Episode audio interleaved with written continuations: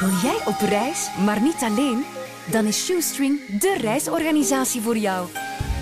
Met een groep single reizigers van jouw leeftijd ontdek je samen de meest avontuurlijke bestemmingen. Ben jij klaar om je bucketlist af te vinken? Shoestring, hoe ver kun je gaan? Het leven begint bij 40. Een inspirerende podcast voor de 40-plusser. Hallo en eh, welkom bij onze eerste podcast van Sven en Anke op Joe. Elke dag tussen 6 en 9 proberen wij fijne radio te maken voor de frisse veertigers. Luisteraars van wie we elke ochtend voelen dat ze positief in het leven staan. 40 zijn is fijn, je hebt al een hele weg afgelegd in het leven, maar je hebt ook nog een eh, mooi vooruitzicht op fijne jaren. Yup, en in deze podcast willen wij over dat gevoel praten met boeiende Vlamingen. Bekend of niet, berucht of niet, doet er niet toe, als ze maar open en eerlijk willen praten over het leven als plus 40er. Onze eerste gast is VTM-nieuwsanker Birgit van Mol. Geboren in 1968 is ze een 40er met 10 jaar ervaring op de teller. Van harte welkom, Birgit. Goedemorgen, middag, whatever. Zo gaat dat. Ook gewoon De nacht is nog jong, Birgit. We gaan meteen met de deur in huis vallen. Eh, klopt het, Birgit? Begint het leven bij 40 volgens jou? Ik zou het heel erg vinden als het leven pas op 40 zou beginnen. Dus nee, het is al een tijdje aan de gang dan. Ja, maar snap je waarom mensen het zeggen? Ik snap waarvan het komt, denk ik. Ik denk, ehm, als je 40 bent en je hebt een beetje geluk gehad in het leven, dan ehm, is je persoonlijke puzzel al een beetje ineengevallen. En dan ben je rustiger, je weet meer waar je naartoe wil, je hebt al een verleden en er komt een soort rust. Ik denk dat het daarvan komt. En de fuik is ook nog niet dicht, je kan nog alle kanten uit, je kan nog heel veel dingen doen. Ehm, Maar je ja. hebt de schaapjes al op het drogen eigenlijk, hè? Ehm, een aantal schaapjes. Ja, alle schaapjes krijg je nooit op het droge. Dat Nee, is nee, meestal nee, het probleem. Ehm, veel mensen zijn bang ook om, om, om 40 te worden om een of andere reden. Ze zeggen dan soms wel van, oh, ik ben een happy 40er. Maar ik zelf, ik vond het moeilijk om er naartoe te gaan, naar, naar die nieuwe voordeur. Als je 38 was of als je 40 ging worden? Ja, toen ik, eh, toen ik ja, Anke is nu 38. Hey. Ja, maar ja, want Evie Hansen is net 40 Ja. geworden. En wat had jij op haar Instagram-account gezet? Wat had ik daarop gezet? Zoiets zo van eh, glorieus blijven gaan. Ja, glorieus blijven ja, dat zo feesten, schoon. Feesten en genieten en glorieus blijven gaan. Ja, zoiets Ja. had ik gezegd. Ja. Ja. Maar ja, 40 is ook eigenlijk helemaal niet erg. Ik vind het vreselijk als ik verhalen hoor van mensen die een hele dag in hun bed blijven die dag. Dan denk ik, Ja. omhels het, ga erdoor, geniet ervan. En blijf glorieus gaan, inderdaad. Maar dat was heel persoonlijk voor Evie. Ik heb het nog nooit aan iemand anders toegewenst, bedenk ik mij net. Ehm, maar ik begrijp wel, iedere keer als er zo een nieuw tiental in de buurt komt, is het even een nieuwe mindset. Want jij bent nog ver van de 50 natuurlijk. Ik ben 50. Ik weet ja. Ja, was dat anders dan 40 worden, 50 worden? Ja, ik vond het wel. Ehm, maar dat heeft een beetje te maken... Ik zat in een situatie zoals Anke nu ongeveer. Ik ben moeder geworden op mijn 37ste. Ja. Dus ik zat volop nog in de mm, pampers op dat ogenblik niet meer, maar toch een, een jong kind, kleuterklas, dat soort dingen. Dus je voelt je daardoor ook Jonger. heel erg jong. Ja. Ja. En ehm 50, ja, ik zit nu met een tiener. Dat is iets anders. Ehm, en ondertussen is mijn man ook heel ziek. Dus die 50, ik heb daar ook absoluut geen issue van gemaakt. Omdat ik dacht, ik moet heel gelukkig zijn en heel blij dat ik 50 mag worden en kan worden op een hele gezonde manier. En dan dacht ik, bring it on, ik omhels het, ik ga erdoor. Willen jullie feesten? Ja, doe maar. Ehm, ik doe volop mee. En als jullie iets mij willen verrassen, doe maar. Ik laat het volledig over mij heen komen. En ik ben heel blij dat ik dat heb gedaan. Want het was een fantastische verjaardag en misschien wel een van de meest fantastische die ik ooit heb gehad. Ja, net zo intens. Misschien omdat je man ziek is, dat je nu zoiets hebt van ik moet in het nu leven. Genieten van elke dag. Je kan niet anders, hè? Als, eh, als je iemand hebt die heel ziek is, eh, dan, dan gaat het niet anders. Je, hebt, je kan niet anders dan in het nu leven. Dus daar ben ik zeer goed in geworden, in, in het nu leven. Ja. Hoe lang speelt dat eigenlijk al een, al een rol? Was dat op je 40 toen je 40 werd? Was dat al iets? Was hij toen al met zijn gezondheid aan het sukkelen? Toen, was het, ehm, toen waren het vooral rugproblemen en zo. Dus dat, was, dat is een, een uitwendig onderdeel van die ziekte, weten we nu. Maar rugproblemen, dat hebben zoveel mensen. En je kan wel eens een slechte dag hebben en zo, maar je kan nog wel citytrips maken of je kan nog op reis, dat soort dingen doen. Soms ook uitstapjes. Dus dat was allemaal nog oké. Maar het is eigenlijk in 2015 naar een hoogtepunt beginnen te gaan. En sindsdien zitten wij op een achtbaan die geregeld is over de kop gaat. Mhm. Mogen we vragen welke ziekte hij heeft? Of Oh is ja. het moeilijk te vertellen? nee, nee, nee, nee. Nee, want het was eigenlijk... In de grote vakantie kregen we de vraag van Humo, uh, cherchez l'homme. Mhm. En ik dacht, hij gaat daar nooit over willen spreken. En na twee dagen bedenktijd zei hij, ik ga dat doen. Dus omdat hij het zelf ook in de openbaarheid heeft gebracht, vind ik dat ik er dan ook over mag spreken. Um, het is begonnen met longkanker. Mhm. En hij had 5% kans om te overleven. Wat heel weinig is. Ja. Oh. Ja. Ik zat hier beneden in een uh, vergadering over het, de, het, vluchtelingendebat. Toen ik telefoon kreeg, ik ben onderweg naar het ziekenhuis, want de dokter heeft een vlek op mijn longen gezien. Mhm. En dan weet je, een vlek op de long. Ik heb nog nooit iemand horen zeggen, oh, het was maar een vlekje op de long, het valt wel mee. Dus ik heb nog een tijd in die vergadering gezeten, tot ik besefte van, dit is zo slecht, dit klinkt zo niet goed, ik moet nu eigenlijk wel bij mijn man zijn. En ik ben van hier naar het UZ in Jette gewoon verloren gereden van, ja. shit, wat is dit? En ja, dan kregen we het nieuws dat het dus longkanker was en 5% kans om te overleven. Dus dan gaat de wereld even heel erg dicht en kom je in een soort van vacuüm terecht. Um, waar je heel erg naar pure dingen gaat, naar heel ja, basic dingen. En uh, dan zit je zo even in een, in een rare bubbel. Tot je dan hoort dat het niet uitgezaaid is. Dat het wellicht te verhelpen valt met één long eruit nemen en zo. En dan had ik op een of andere manier een heel groot geloof in mij. Dat ik dacht, dit komt goed. Dit, uh -huh. Hij haalt dit. Ik weet ook niet waar het vandaan kwam, maar dat was gewoon een... Ja, misschien is het moed ter wanhoop of zo. Ik weet niet wat dat was, maar dat was iets heel sterks in mij dat zei, hij haalt het. En dat was ook oké. Okay. Hij heeft die operatie goed doorstaan. Het was wel moeilijk en zwaar. En het eerste half jaar heeft hij ongelooflijk snel en goed gerevalideerd. Ze hebben nog op reis kunnen gaan. Maar dan uh, bleek dus dat hij een auto-immuunziekte heeft. Dus hm. hij valt zijn eigen systeem aan. En we waren net twee dagen terug van vakantie als hij enkele uren later dus in een coma in een ziekenhuis lag met een acuut hartfalen.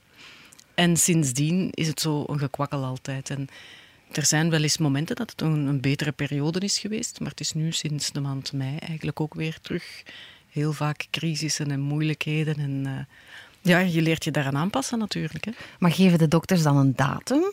Zeggen ze van, geniet nog zo lang van elkaar? Of, of... Er is ooit één dokter geweest die heeft gezegd tussen de datum van de vaststelling van je ziekte en je overlijden zal x tijd zijn. Mm -hmm. En gelukkig zijn we dat alle twee vergeten. Ja. ja. ja. Um, maar bon, het is gewoon extra tijd, dat weten we. En we genieten daar ongelooflijk van. Um, maar ja, je hebt geen, je hebt geen idee hoe lang. Um, maar het is een ongelooflijk sterke man. Ik zeg ook, jij bent onkruid, gelukkig. Jij vergaat niet zomaar. En hij is heel mentaal ontzettend sterk. Dus, uh, dat helpt jou ook, denk ik. Hè? Maar ja, tuurlijk. En, en oh. onze zoon en zo. Dus daarom is wakker liggen van een leeftijd ja, zo hard niet aan de orde. ja. Ja, dat, is... ja, dat wordt dan echt belachelijk. Ja. Hè? Je durft daar zelfs niks over te zeggen. Nee. Ja. Het, is on... het is zelfs ondankbaar. Of als ik nu soms... Ja, je zit met alle leeftijden op de redactie en als ik soms iemand zie worstelen omdat hij 30 wordt, dan denk ik... Oh, Oh. niet daar! Niet daarvan. 30 is fantastisch, eigenlijk. Ik vind dat, als je het zo vertelt, ik vind een onwaarschijnlijke ja, ja, sterkte sowieso en positiviteit er ook door alles klinken. Ik, ik weet niet waarom, maar ik, ik, ik, ik probeer ook altijd heel positief in het leven te staan. Maar ik denk dat ik zo kwaad zou worden. Zo, zo van, dit is zo onrechtvaardig, waar hebben, dit, waar hebben wij dit aan te danken? Dit verdienen wij toch niet? En dat, dat lijkt jij niet te hebben. Zo moet je niet redeneren, want iedereen krijgt van alles in zijn bord. En Anke, jij weet het ook. Je hebt ook heel diep gezeten met je broer. Ja. Ja, ja ik, en, en ik heb dat ook niet ondervonden hoor, zo, Nee? zo kwaad zijn. Nee. En bij ons was het andersom. Mijn broer had 95% kans om te genezen. Hè? Dus hij zat bij die 5% die het niet gehaald heeft. Maar ehm, dat helpt niet. Je wordt daar heel ongelukkig door. Het helpt om... Bij mij heeft het heel veel geholpen door... ehm, door het om te draaien. Zo niet denken van, oh, amai, zeg, je broer is maar 29 mogen worden. Nee, ik heb wel 29 jaar de beste broer van de wereld gehad. Dat is, dat is één vriendin die dat op een kaartje had geschreven. En dat is mij zo bijgebleven. Nu nog elke dag. Ja, ik, ik, ik probeer daar gewoon echt altijd aan het positieve te denken. Dat helpt echt. Dit is de podcast van Sven en Anke. Een podcast waarin we samen met een boeiende 40-plusser een antwoord zoeken op de vraag: begint het leven bij 40? Onze eerste gast vandaag is Birgit van Mol, nieuwsanker van VTM. Birgit heeft het nog over wat haar echt ontspanning kan geven in haar drukke agenda. En ze praat ook over haar zoon Otis, die 13 is. Je bent, eh, je bent ja, op latere leeftijd, klinkt zo'n beetje raar, maar je bent op 37ste ben je mama geworden.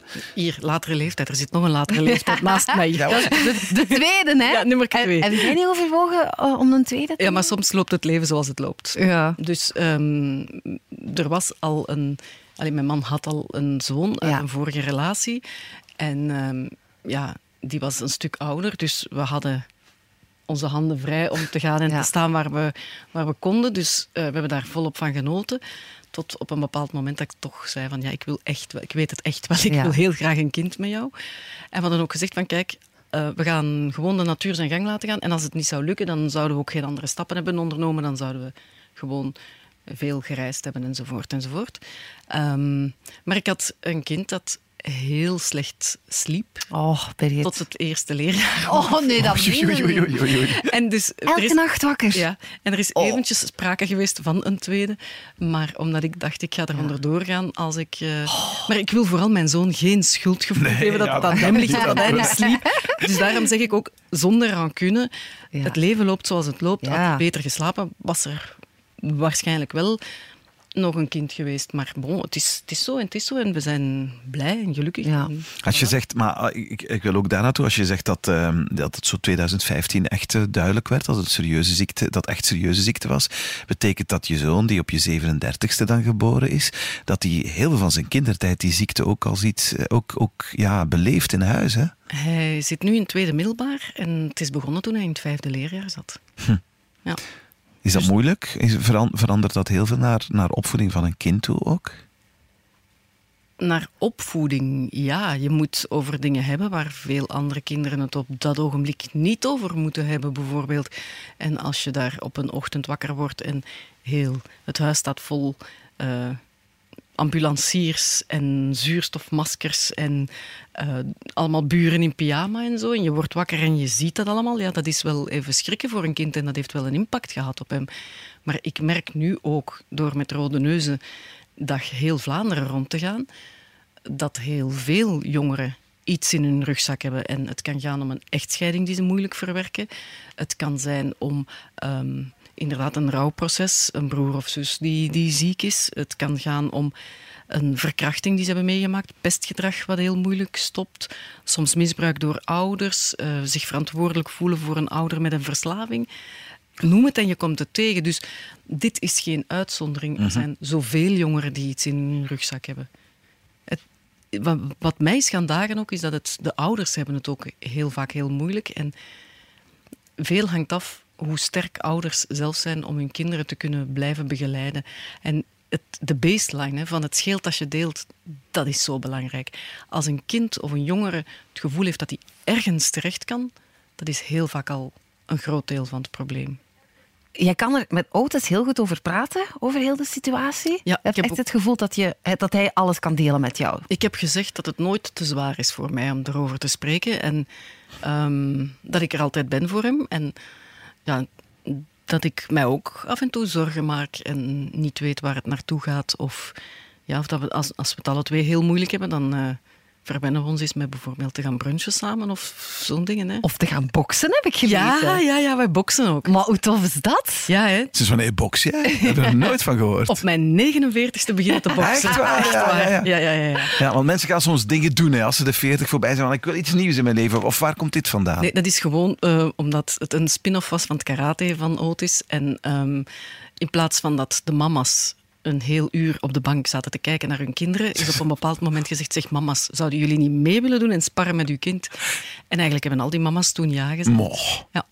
En ehm, Ja, ik gebruik het woord uitdaging niet vaak, maar dit was een uitdaging. En ik wist ook niet, ik dacht, ik had zo'n bepaald beeld ook van boksen en zo. Maar um, ik ben aangenaam verrast. En dan vooral voor uzelf ook, hè, om u uit een bepaald ja, om u, uzelf ook uit te dagen. Hè, te zien of je nog mee kan met de conditietraining, met de coördinatie, um, het evenwicht, al dat soort dingen. Hè. Ja. Ja. En je wilt niet onderdoen voor je kind. Dus sommige dingen doet je beter dan je kind. In sommige dingen is je kind geweldig veel beter dan, dan jij. Maar het is ook fijn, want het is in tijden van gsm's en social media en zo, is het iets waar je samen naartoe gaat, samen doet. Je mag ook op, op elkaar meppen, volledig uh, reglementair. dat, is, dat is leuk. Um, omdat we ook niet doormeppen, want soms is het... Uh, oei, sorry, als je iemand geraakt hebt en zo, dus dat valt wel. Ja, en uw neus ziet er ook nog heel goed uit, hè, Ja, het is niet op het gezicht en het is niet meppen om te meppen, maar het is gewoon... Ja, raken op de juiste manier, ja, de juiste ja, en zo. Ja, en, en, um, ja, en dan rij je daarna naar huis en alle twee gezond moe en, en allebei iets om over te spreken ook weer. Hè? Dat is een heel mooi gezond moe, want ja, we hebben het over de gezondheid van je man al gehad. Maar ja, als mensen de 40 voorbij zijn, los van wat er dan nog gebeurt rondom hen, is gezondheid iets dat voor heel veel mensen meer begint te spelen. Hè? Want daar toch wel meer aandacht voor te hebben. Had je dat ervoor minder? Of, of is het altijd wel iets belangrijks voor jou geweest? De vraag is misschien, heb ik het nu gekregen of niet? Want ik heb niet, niet zo dat ik nu extra aan gezondheid denk of zo. Maar ik heb ooit wel iets meegemaakt in het verleden, waardoor ik toen op mijn gezondheid ben moeten beginnen te letten. En dus uh, gezonde voeding is voor mij al jaren iets wat, wat ik moest doen. Dus, uh, wat is het dan in jouw geval, gezonde voeding? Um, heel veel groenten en fruit. Um, en ik ben eigenlijk vegetariër. Maar als iemand mij een vis voorschotelt, zal ik hem wel opeten. Maar vlees gaat absoluut niet. En alcohol is ook no-go. No-go? No Nooit? Alleen af en toe is een glaasje cava, max ja. twee. En that's it. Hey, ongezondheidsreden of bewust? Ja. Of? Nee, gezondheid. gezondheid. Ja, Ik, ik, verdraag het niet. Mijn, mijn lijf komt in opstand, dus het gaat niet. Het is heel zeg. Ja. Ik ben altijd Bob. dat is een voordeel. Ja, al jaren voor Bob in de mode was. Um, nee, en dus ik, ik eet heel gezond. En dat merk je dan ook wel. Je hebt meer energie en je lijf blijft ook. En je ziet er goed uit, hè, Birgit. Echt waar. Oh, hoe vaak ik je in de gang zie lopen hier, dat ik denk, ah, die Birgit, ja, zo wil ik ook ouder worden. Hè? Zo rank en slank en zo'n mooie huid. En, oh, ja. Maar ik denk dat dat ook een... Allee, dankjewel voor de complimenten. Ja? Maar ik denk dat dat ook een deel erfelijkheid is. Ja. Want mijn moeder past nog altijd in mijn kleren. En mijn moeder is 80 jaar. Oh, dus. ja, ja, ja. Oh, ja. Zeg, mis je dat dan soms niet? Ik kan me voorstellen met de drukte van jouw job, ook wel de zorg om je man en zo. Ik zou, sorry, nu klink ik als een alcoholieker, maar ik zou mijn glaasje wijn zo missen s'avonds. Nee, nooit. Dat, je past je daar geweldig aan aan. En ook vlees. Hè. Ik had vroeger heel graag vlees. Maar ik zou ook makkelijker opzij kunnen zitten. Ja, in het begin zat ik toch in iedereen zijn bord nog te, een stukje vlees eruit te vissen. En nu, als, ik mag er niet meer aan denken. En die alcohol ook, nee, ik mis maar, en wat is niet. Voor, voor jou dan een geneugte? Zo van waar je denkt van, oh, dit doe ik zo na een zware werkdag. Iets uit de frigo halen of, of iets dat je op televisie kijkt dat je denkt dat is zo, ach, even ontspannen. Ik ben een snop op vlak van thee. Ja, ja. dat mag ook wel. Jeetje, als je alles moet laten. Ja, ja dus zoals andere mensen uh, veel geld aan, uitgeven aan een goede fles wijn, Ah, jij gaat regelmatig naar Barcelona. Hè? Ja? Ik zal jou ook eens vragen om thee. Want er is een theewinkel in Barcelona waar ze de thee hebben die ik lekker Is het waar, ja? En welke is dat dan? Dat is Jasmine Chung Hao. Dat is een, uh, een, een Chinese thee die ook in België wel verkrijgbaar is.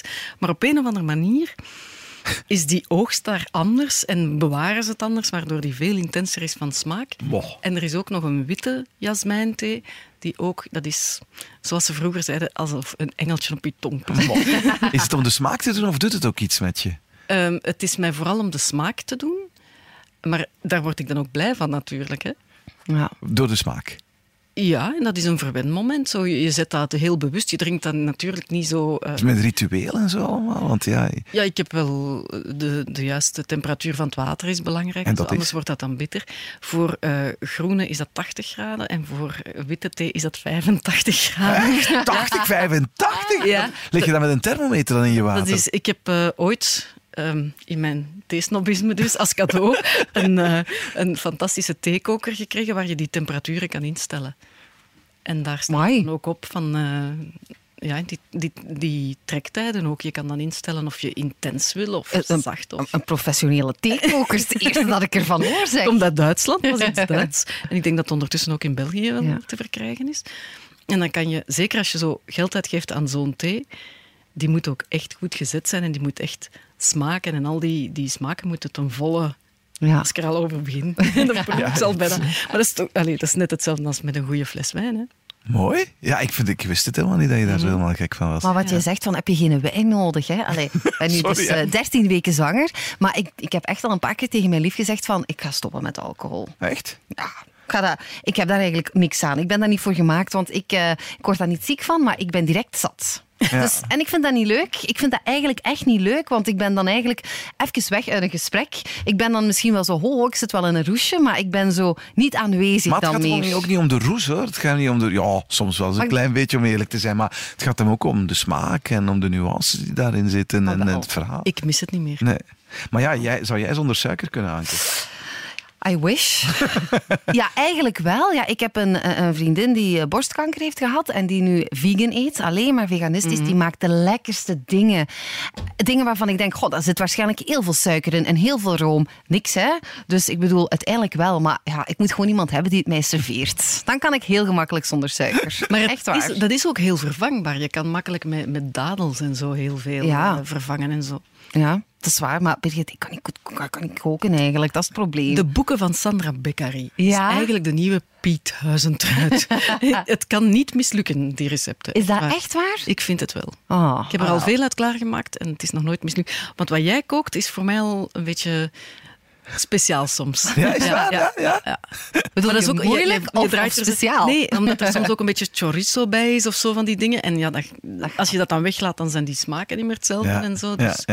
Ja. ja er, zit, er zit van alles tussen. Ja. En jij gebruikt wel gesuikerde dingen en zo, hè? Ik gebruik van alles en nog wat. Ja. Ja. Ja, bij mij Maar jij wandelt ook zoveel. Ik wandel ook zoveel, ja. En de- Zou jij eens geen hond in huis nemen? Goh, nee. Hij gaat soms wandelen met de hond van de buren. Dat wel, maar het probleem is, ja, weet je, vaak in Barcelona of, eh, of, eh, de, of de- kijk, een hond, daar moet je echt naar omkijken. Hè. Een Mhm. hond die, eh, twee katten en die katten die vinden het allemaal wel goed. Als ze op kattenhotel gaan, vinden ze prima. Als ze terugkomen op kattenhotel, zijn ze blij. Nooit moeilijk doen.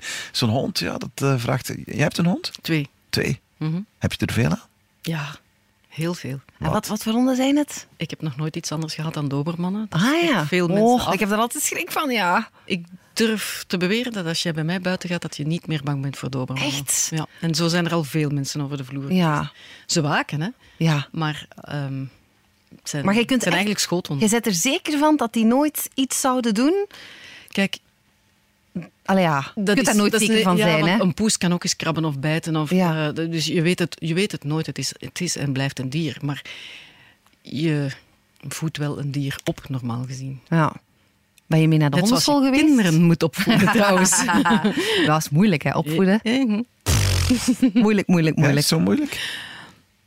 Het is Ik vind dat wel. makkelijk. Ik vind het woord consequent eh, afschuwelijk. Dat haat ik. Ik kan dat niet consequent. Dat is na een vermoeiende dag consequent zijn. Dat is heel moeilijk. Plus, het is het grootste rock'n'roll avontuur in je leven, want je weet nooit wat je krijgt. En zo'n kind zit voor je het weet weer in een nieuwe fase. En dan moet je als ouder weer mee evolueren naar een nieuwe fase. Dus blijf zoeken en doen. Het leven begint bij 40. Een inspirerende podcast voor de 40-plusser. Birgit van Mol, de sympathieke ambassadrice van Rode Neuzendag en nieuwsanker van VTM, is de eerste gasten in de podcast van Sven en Anke. Het leven begint bij 40. Birgit heeft intussen al tien jaar ervaring als 40-jarige. Ze heeft ook haar ups en downs gekend, maar professioneel staat ze er nog altijd. Wij vragen haar of ze dat wel evident vindt. Zeg, je bent nu de 50 gepasseerd, Birgit. Ik heb ergens gelezen dat eh, je ooit een baas hebt gehad die zei toen je 40 werd: Voilà, madameke, nu is uw decennium voorbij. Het was een baas die zelf last had van zijn leeftijd. Ik had daar geen last van. Ja. En hij heeft letterlijk gezegd toen, ja, jouw decennium is geweest, is aan de volgende. Maar meende die dat of was dat gewoon een flauwe mop? Die meende dat en er zijn toen een aantal verschuivingen gebeurd. maar ik heb toen gedacht van, het is niet omdat jij last van je leeftijd hebt dat ik dat hoef te hebben. En ja, ik laat me niet zomaar tegen het canvas meppen, om het dan maar zo te zeggen. Maar het is ook wel, het, eh, uiteraard, maar dat is sterk en zo, maar je hoort het wel zoveel vaker als je met vrouwen praat die de 40 voorbij zijn, die in de media werken. Mhm. Ja, alsof er een haalbaarheidsdatum op een vrouw in, eh, op televisie staat. Hè? Dat is heel erg, ja. En ik hoop dat ik daarmee een steentje mag toe Ja. bijdragen om dat toch een beetje te veranderen. Hoe komt dat, denk je? Bij ons, voor alle duidelijkheid, zijn er nog een paar mensen die nog ouder zijn dan ik. Hè. Dus Grete Keizer bijvoorbeeld en Nathalie Dijk zijn voorbeelden van schermgezichten. Dus op de nieuwsdienst ehm, kan dat dus wel. Hè. Maar en Lynn Wezenbeek dan? Wat was Ja, dat is een ander verhaal, maar dat is niet aan mij om dat te vertellen, vind ik. Ja, dus wat is dat inderdaad? Dat is een goede vraag.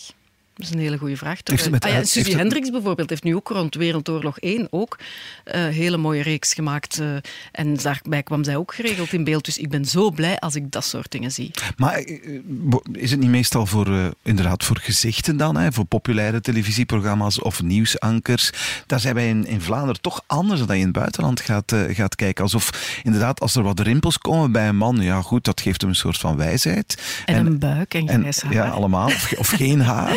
Eh, maar een vrouw, ja, die moet er eh, jong en fris blijven uitzien om geloofwaardig Ah, te zijn. zo hatelijk, hè? Terwijl je juist meer geloofwaardigheid opbouwt als je wat ouder bent. Dat zie je bij Martin Tange dan bijvoorbeeld. Bijvoorbeeld. Maar Ja. dat is de openbare zender, dat vind ik nog iets anders. Waarom? Omdat wij een commerciële zender zijn. Ja. We brengen geen commercieel nieuws, maar we zijn wel een commerciële zender. Ja. En daar ze hebben in het verleden toch altijd andere normen gegolden. Vroeger was, het, was je op je dertigste al afgeschreven. En nu, kijk, Evie Hansen ook op haar veertigste ook nog. Hè. Dus eh, Ja.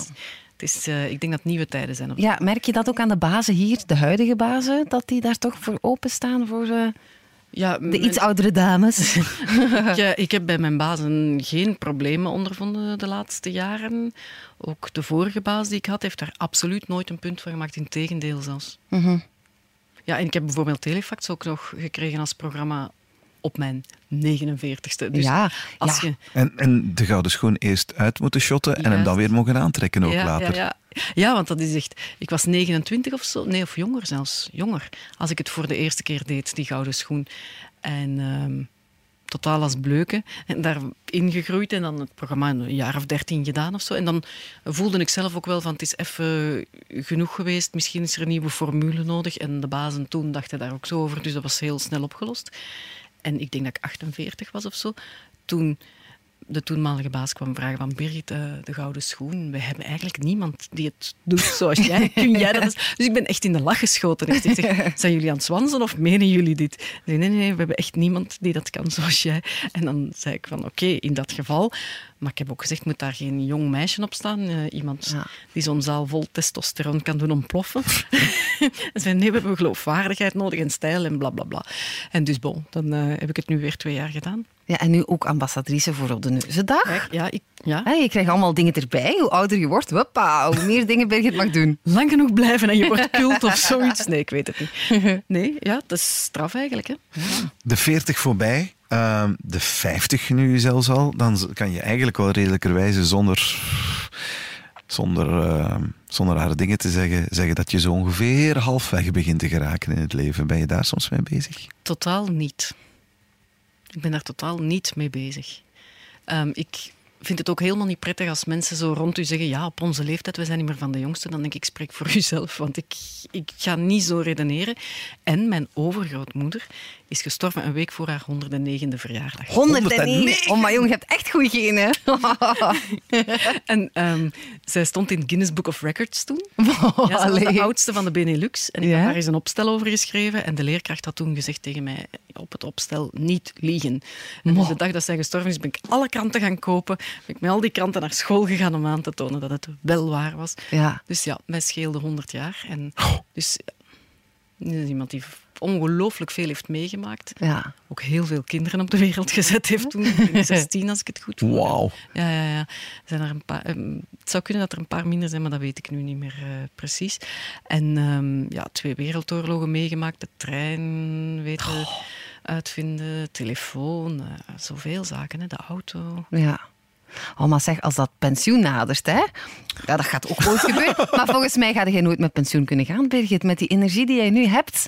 Allee, ik bedoel, kijk je er naar uit, naar zo'n dag van dat je niks meer moet doen? Of, of ga je dan echt zo nieuwe hobby's beginnen doen? Of heb je zoiets van, "Mm, ik wil nog lang mogelijk, zo lang mogelijk eigenlijk in het vak blijven? Ik ben daar dus eigenlijk echt niet mee bezig. Ik, Ja. Zoals je daar straks bij het begin van dit gesprek aangaf, ik leef heel erg in het nu en in wat brengt de dag en wat Ja. brengt dit uur. Dus ik ben daar eigenlijk niet mee bezig, maar ik maak mij ook geen illusies. Ik denk niet dat ik tot mijn 67ste in deze job zal zitten. Al weet je nooit, hè? je Ja. weet het nooit. Maar ik denk het niet. Er komt misschien wel een moment dat ik mij terug ga omscholen of bijscholen. Of dat er een jobaanbieding komt. Dat ik denk van, ah tja, Ja. waarom niet? Mental coach, hè, Birgit? Zoals eh, iedereen die van het televisiescherm verdwijnt. Hè? Je wordt dan mental coach. Hè?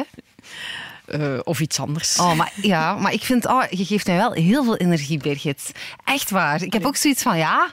Ja, ja, ik kijk ook totaal niet uit... eh, allee, ik, ik zie er echt totaal niet tegenop om 40 te worden. En nu ik zo babbel met Birgit... oh, die, Laat maar vij- die komen. 50 mag ook komen, zeg. Ja, bring it on. ik had alleen bij 60, toen mijn man 60 werd, had ik wel zoiets van oei, hoeveel tijd hebben we nog? Alsof Ja. je zo met veel plezier op de kermismolen zit en dat er ineens besef komt van ik, er gaat hier een rondje komen waar je dan toch eens moet afstappen. Zo. Ja. Eh, welke dingen zou jij professioneel nog willen doen de komende jaren? Dat je denkt, oh, dat wil ik toch nog eens aanpakken op Uw een of andere manier. Nee, nee. Nee, ja, nee, serieus? De ochtendshow. nee, nee, dat heb ik gedaan ooit, een ochtendshow. Dus dat hoeft voor mij niet meer per se. Ehm, ik weet het eigenlijk niet. Ik, eh, ben, ik heb altijd geleefd van de kansen die komen, vind ik ze interessant of niet. En als ik ze leuk vind, dan grijp ik ze. En af en toe is er zo'n moment dat ik denk, hmm, daarvoor mogen ze mij bellen. En heel vaak gebeurt dat dan ook. Dus bijvoorbeeld eh, Hart voor elkaar een paar jaar geleden. Toen dacht ik ook van, oh, dat zou echt iets voor mij zijn. En dan inderdaad, een seizoen later, zonder dat ik er iets van gezegd had, kreeg ik telefoon van Birgit, eh, we dachten aan jou. Zeg ik, tuurlijk. Of Rode Neuzenambassadrice, zeg ik direct, tuurlijk, laat maar komen. Dus ik weet nooit, als ik dat had kunnen uitstippelen, weet ik niet of, of die dingen er in de mogelijkheden hadden gezeten in mijn eigen hoofd. Dus soms is het ook wat de tijd brengt en, en wat de zender brengt en zo. Dus we zien wel. Fijn dat je nog altijd luistert naar de eerste podcast van Sven en Anke. Het leven begint bij 40. Met als gasten Birgit van Mol. En in het laatste deel van deze podcast heeft Birgit het nog over haar persoonlijke dromen voor haar toekomst. En geeft ze nog goede raad voor mensen die nu op de drempel van de 40 staan. En privé? Wat zou, wat, wat, ja, zo lang mogelijk gelukkig zijn, denk ik. Ja, ja, ja. En ja, ik ben blij met de extra tijd die we hebben. En zo lang mogelijk, zo goed mogelijk. Hè. Dat hoop ik voor mijn man en ook voor mijn zoon. Want dat is toch ook belangrijk, hè? Volop in de puberteit. eh, Quality time zoveel mogelijk met elkaar doorbrengen. Mhm. Ja. En dan, hoe zie je jezelf als oud? Als, wanneer ben je oud, denk je? En hoe zie je dat? Wat zou je fijn vinden? Geen idee, geen idee. Maar ik Je wilt wel- er ook niet over nadenken, nee, hè? Nee, maar je weet ook niet wat er komt. Je weet Ja. ook gewoon niet wat er komt. En ehm, we hebben wel al met een aantal vriendinnen al zwanzend eh, vaak gezegd van we gaan bovenop een berg in Spanje zitten en eh, we gaan daar eh ons eigen Thee groenten drinken. kweken en eh, de juiste thee drinken. En alleen als wij zeggen dat er mannen mogen komen, mogen ze komen. Oh! Mag mee. Nee, zo, nee gewoon. We hebben al gezegd van we gaan het goed maken met een aantal vriendinnen en we gaan het eh, Ja. een fijne oude dag tegemoet. Maar ik, in mijn hoofd blijf ik ook altijd wel gezond en blijf ik wel ehm, ja, alles kunnen doen. Zo. In je hoofd, ja. Dus ik hoop dat mijn lijf mee wil, hè. we zullen wel zien. En dat mijn hoofd ook mee wil, want je weet het nooit natuurlijk. Hè. Is dat je grootste, is dat je grootste angst? Wat zou je het moeilijkste vinden? Lijf of, of Ik leef niet met grootste angsten en kleinste angsten en zo. Uh, maar ik eh, hoop dat ik nooit dement word. Ja, wat bedoel ik? Oeh, dat zou ik zelf ook zo verschrikkelijk Ja. vinden. Dat je voelt dat je, het, eh, dat je het hier los moet beginnen laten en dan, Mhm. Dan zelf moeten beslissen hoe gaan we, dat, hoe, hoe gaan we daarmee omgaan. Lijkt me Dat- dat- afschuwelijk. Ja, dat lijkt mij ook afschuwelijk. Ja. Dat, dat hoop ik dat ik daarvan gespaard mag blijven. Als de Ja. benen wat stram worden eh, of het haar valt uit of zo, Ja. weet je. Hè? Ja, ja. Maar nee, maar dat is als we fysiek en psychisch mentaal gewoon er heel goed voor staan. Dat is al alles, hè. Ja. En dan nog gewoon tijd maken om ervaringen op te doen met vrienden en familie. Dan heb je toch een goed leven. En zegt- terug een beetje te reizen en genieten van de natuur met de honden en zo. Mooi. Simpele dingen. Mensen die nu eh, op de drempel van de 40 staan, welke goede raad zou je hen willen meegeven? Want wij, wij gaan ervan uit, het leven begint bij 40. Jij zegt, "Mwah, het is al wat, wat langer bezig. Wat zou je aan die mensen willen zeggen? Springen. Springen en vooral niet bang worden. En sluit u niet op in uw slaapkamer de dag van uw verjaardag. En zo. Maar- Oh, dat is echt ja, maar ik ken, ik ken mensen die dat dus doen. Dus Ja. geniet, geniet, geniet. En, en ja, misschien moet je, is het wel eens een moment om stil te staan en om eens te zeggen van oké, 2.0, uzelf eens heruitvinden en, en bekijken waar kan ik naartoe en wat zijn de mogelijkheden nog allemaal. En niet te veel achteruit blijven kijken, vooruit. Ik kijk naar jou, want je staat er eh, nog niet voor. maar straks als je dan tweede keer mama wordt, dan eh, is Anke ook op twee jaar van de 40. Ja. Ja, nee, op, als ik mama word eh, in mei, dan sta ik nog met nog één jaar voor Eén de jaar voor 40. Hè. 40. Ik word Ho, ho. ben bijna 39 als ik beval. Niet dus, opsluiten, hè? eh, maar ik heb dat ook echt niet. Ik kijk daar ook echt niet tegenop. Ik meen dat. Dat is goed. Ik zou wel al mijn zwangerschapskilo's kwijt willen. Da, da- daar kijk ik tegenop, om die te verliezen. Maar die wil ik dan, als, ik dat, als dat gelukt is, tegen dat ik 40 ben Perfect terug... gelukkig. Oh man, dan ben ik de gelukkigste van de hele wereld. Maar dat kan. dat kan. Gewoon gezond eten en een beetje Ja. sporten, ja, ik weet het. Birgit, het was fijn om, eh, om, om, om te praten met jou over eh 40 zijn, of het leven dan al dan niet anders wordt. Niet echt, hè, blijkbaar. Gewoon doorgaan. Hè. Gewoon blijven gaan. Merci, Kezer. Dankjewel, gedaan. Birgit. Dit was hem dan. Het leven begint bij 40. De eerste podcast van Sven en Anke met als centrale gasten Birgit van Mol. Wil je op de hoogte blijven van de nieuwe afleveringen van deze podcast? Abonneer je dan via je favoriete podcast-app of luister naar ons radioprogramma Sven en Anke elke dag tussen 6 en 9 op Joe. Joe 70s en Joe 80s.